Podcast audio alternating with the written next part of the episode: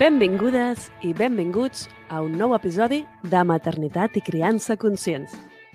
Avui vinc a parlar sobre la dona en la maternitat en el Dia de la Dona. I és que quan em van demanar si podia parlar al vuit tema, ho vaig tenir clar. Aprofitaré per reivindicar sobre la maternitat. Tant de bo no calgués la reivindicació, però sento que hi ha tantes coses a reclamar de les que tenim dret que trec profit d'aquesta oportunitat. Molt bones, sóc l'Estela Prado, dona, mare i terapeuta maternal. Ofici destinat a l'acompanyament de la gestació, el part, la placenta, el postpart i la criança. I sóc la veu principal d'aquest podcast de maternitat i criança conscients. Voldria començar aquest especial per un fragment d'una entrevista a Esther Vives, on parla sobre la maternitat feminista. L'he trobat en castellà i m'he donat el permís de traduir-la, ja que ella és catalana. I diu així, la nostra experiència materna ve condicionada per aquest sistema masclista, neoliberal, capitalista, mercantil i productivista. I això fa, per exemple, que en relació amb el part, avui s'imposi una lògica productivista i es generalitzi les cesàries que responen a interessos econòmics d'un sistema sanitari. El mateix passa amb la lactància materna, que no encaixa amb els ritmes laborals o socials i empeny les dones a donar el biberó perquè això dona guanys a les empreses de la indústria agroalimentària. En aquest context, una maternitat feminista és aquella que revela contra la maternitat idealitzada, contra els estereotips de la superdona, la mare amb un cos perfecte, que mai no s'equivoca, o de la mare abnegada i reivindica l'experiència mater materna real amb totes les seves llums i ombres. La maternitat feminista és la que empodera per poder decidir sobre aquesta experiència, sobre el part i la lactància. I jo, per on començo? Què vaig? A la falta de la tribu? Pel que suposa ser mare avui en dia? O per les contradiccions que sentim quan volem estar amb les nostres criatures més enllà de la minsa baixa maternal? O per la dona maternant a la vida laboral? O la violència obstètrica que s'exerceix durant la gestació i el part? O puc reivindicar la lactància? O l'afectació del patriarcat? I el capitalisme a la maternitat d'avui en dia? O el poc recolzament col·lectiu de la societat? Bé, ja veieu, n'hi ha per escriure un llibre. Doncs escolteu, començaré per les felicitacions. Felicitats a les dones, a les mares, a les que no ho són ni ho volen ser, a les que no ho són i ho volen ser, i també a les que estan en procés.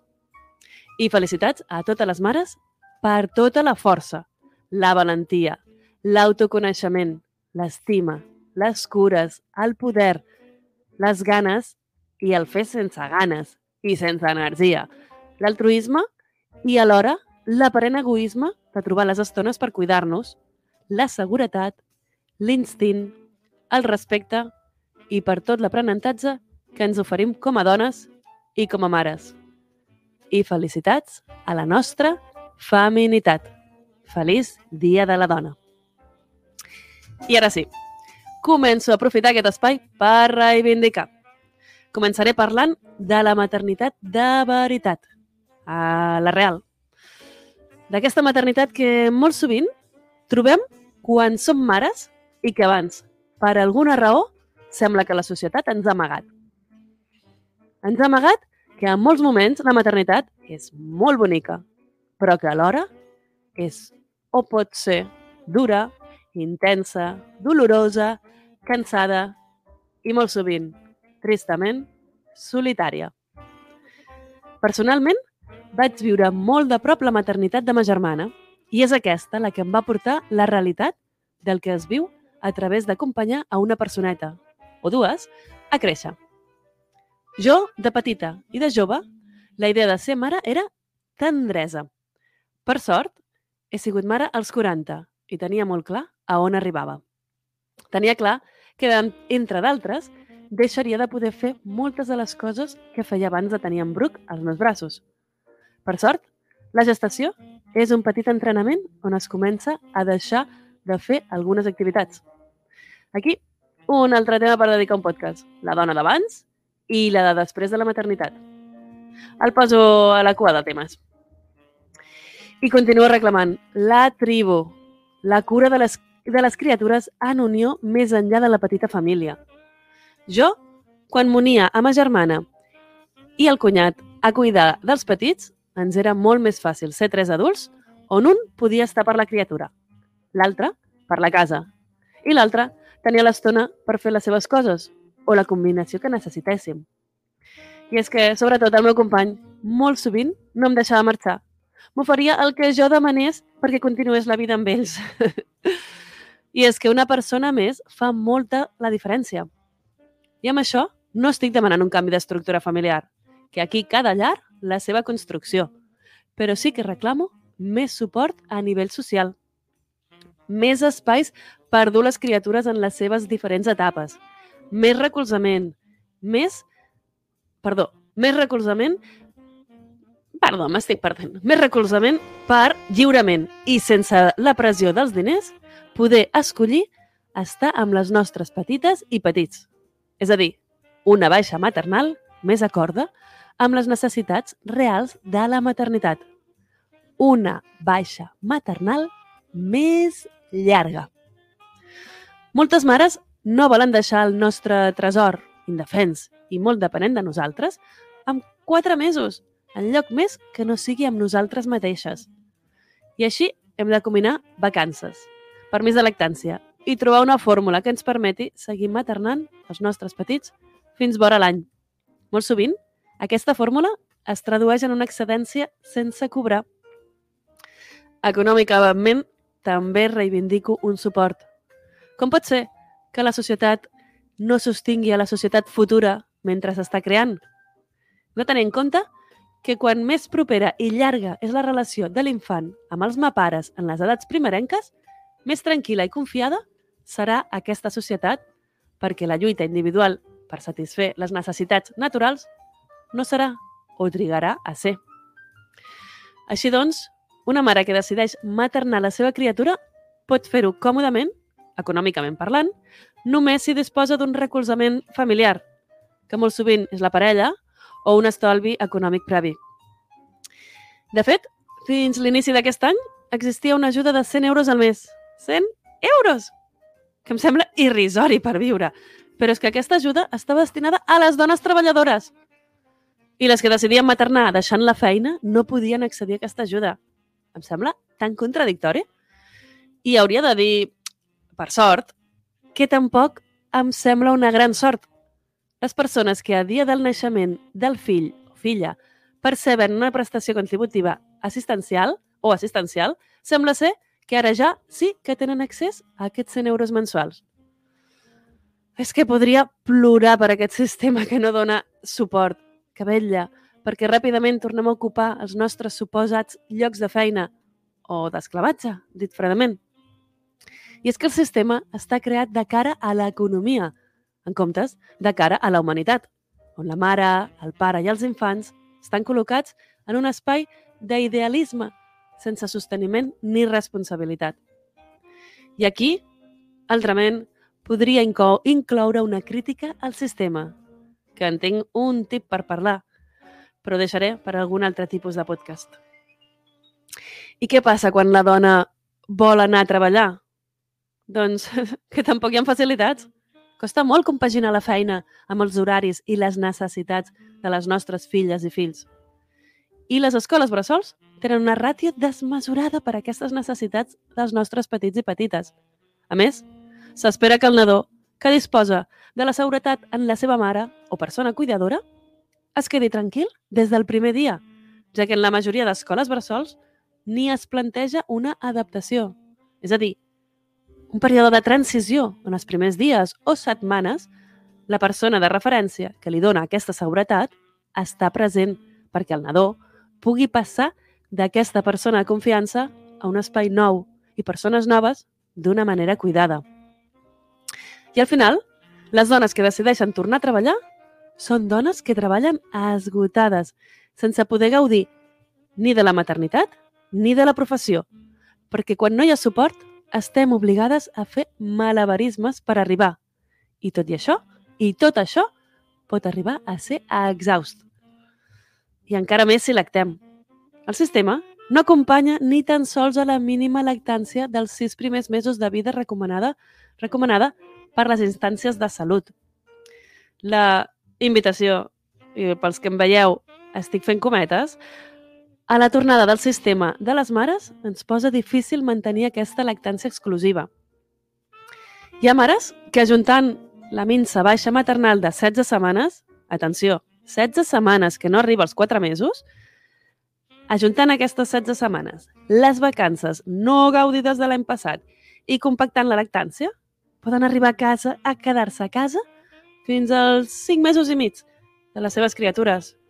No arriba als 6 mesos de mínima lactància exclusiva. És que, quina tristesa, quina poca delicadesa i quin poc suport que es dona en aquest país. De fet, la baixa maternal, i ja torno a criticar el sistema, no s'ha modificat des de fa 30 anys. Ni, ni ha el plantejament de fer-ho, eh? I no, no és per falta de veus que ho demanin, que ho demanem. És que la veritat s'hauria de sentir vergonya. El món està boig. I aleshores podem mirar Europa. Mirem Europa, que en, en certs països té una mirada una mica més eh, acollidora i es poden trobar països on tenen baixes maternals que arriben a superar l'any. L'any són 52 setmanes, aquí ens en donen 16, o sigui, estem bastant lluny. De fet, Espanya és un dels països que menys setmanes eh, de baixa maternal tenim. I, eh, I això en altres països d'Europa també rep una aportació econòmica raonable per, d'alguna manera, dir que s'està col·lectivitzant la maternitat, un suport. I bé, això um, lliga amb aquesta mirada de pobreta, torno a fer cometes, pels que no em veieu, només m'escolteu, doncs això, una mirada de pobreta des de la societat cap a la mare que decideix deixar la seva feina del sistema per fer la feina de maternar, la gran feina, la feina natural a l'acte de tenir fills, on la societat visibilitza aquesta figura com la dona que ha d'estar a casa, ocupant-se de les criatures i de la casa, mentre l'home fa la feina de fora. Com un retornar enrere, quan la dona no formava part de la vida laboral. I és que aquí també col·loquem a l'home en una posició fora de la criança, quan el més bonic, per un ésser que creix, és poder gaudir de la seva mare i del seu pare en quasi tot el seu dia. Aquí es veu i es viu el patriarcat de la societat que no recolza ni col·lectivitza la infància com a naturalesa del sistema. Per no parlar de quan lactem, de que quan lactem podem trobar part de la societat que s'incomoda de veure aquest acte tan natural. S'han donat casos de mares escoltant comentaris irrespectuosos cap a l'acte de, llet de lletar. Increïble, però cert. I bé, per anar tancant aquestes pinzellades d'insatisfacció de la societat en l'acompanyament de la maternitat, vull parlar, i no m'ho puc deixar, no me n'ha de faltar, parlar de la violència obstètrica que es pateix en aquest país. Com ja he dit en altres capítols, n'he de fer un podcast, està pendent. Però de moment, reclamar la injusta normalització de la violència que es pateix com a dona gestant i durant el treball de part. Parlo d'una violència tant verbal, psicològica com física que el personal sanitari imparteix, sovint des de la seva pròpia ignorància, perquè els protocols així ho diuen, perquè sempre s'ha fet així. Aquesta violència obstètrica es tradueix en unes pràctiques obsoletes. El tracte de malalta a una dona gestant en plena salut, a la infantilització de la dona parint, a l'abandó, a la falta d'informació, etc. I és que hi ha tot un seguit d'actes que, mirats en perspectiva, no tenen cap sentit. Un dia veia un reportatge d'un ginecòleg que, havent realitzat unes fotografies d'un part on ell mateix practicava, es va veure involucrat en aquesta violència obstètrica involuntària, que no s'havia donat mai fins que es va veure reflectit a les imatges. Dic que gràcies a elles es va transformar en un professional ocupat d'acompanyar els parts respectats, com sempre haurien de ser. I és que sabeu que la majoria dels professionals que acompanyen els parts no han vist mai un part fisiològic? És a dir, un part on ningú intervé més enllà de la mare i del nadó? Ho trobo bastant increïble. I per sort, cada cop som més conscients que se'n pateix. Aquesta violència obstètrica existeix i les dones que n'han patit tenen més força per denunciar-ho i fins que arribi fins que arribi el dia que no tingui nom aquesta violència que acompanya molts naixements. Però de moment, tristament, és una realitat més a reivindicar a la societat cap a la maternitat. I tant de bo arribi el dia on el sistema estigui de cara a la vida, a la infància, a la maternitat, a la lactància i a la dona gestant i puguem crear una societat basada en la tranquil·litat i la calma del recolzament per la feina de crear el futur, on les mares ens sentim cuidades per cuidar. Fins aleshores, seguirem parlant per ser escoltades.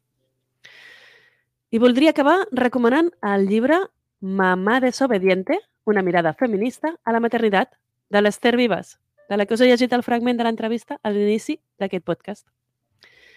És un llibre que val molt la pena per, per veure un altre punt de vista que a vegades no, no hem parat a, a veure'l.